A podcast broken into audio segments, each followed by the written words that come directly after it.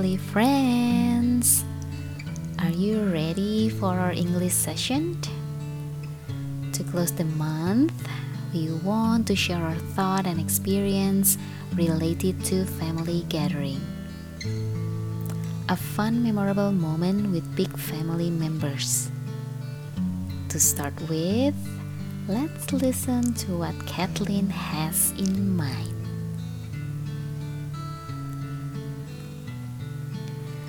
There's always a moment when you hear a lot of voice. Vehicles coming in, knocking on the door, shouting each other happily. Plates and cutleries cling one another. Jars of snacks open on the table. Voices of children. Refrigerator that keeps open and closed by everyone Maybe it's for ice cream or cold beverages. Anything sweet to cheer you up. You could hear kind of stories all over the house. Come along with sounds of laughter. Everyone is enjoying the jokes. Everyone is smiling. The elder with television and talking about world the teenagers with movies or music on, popcorn and soft drinks on the side, children with their cookie, ice cream, and toys. I don't care if it's raining. I feel warm inside my heart. Family gathering can be like a public festive, right? With all the meals, fun games, and loudness of voice, music, and movies. Now, let's see what Biru has written about her experiences with family gathering.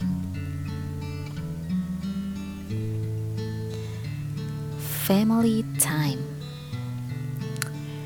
The smell of cooking, the noises of dirty dishes, the puffs of coffee and tea met in the warmth of jokes, share some stories, or occasionally go back talking about silliness in the past with cousins. Eat as much as I want, enjoy my favorite chocolate cake made by Auntie. Dancing and singing till I get tired is what I'm waiting for. It's a family time. Sounds that Biru has as much fun as Kathleen, yeah? That is actually what I also miss when I live far from my family. It became more an agenda that I always look forward to whenever I stay in my hometown. Family gathering is like a mixed collective of generations. Grandparents, parents, aunts, and uncles, sisters, brothers, and cousins, nephews, nieces, and grandchildren. Full dishes on the table, meals, snacks, and sweets, free flow coffee and tea so much talk and laughter, singing and dancing, or horror movie marathon. From morning till night, a day of happiness, a day full of memories, a day where love fills the air.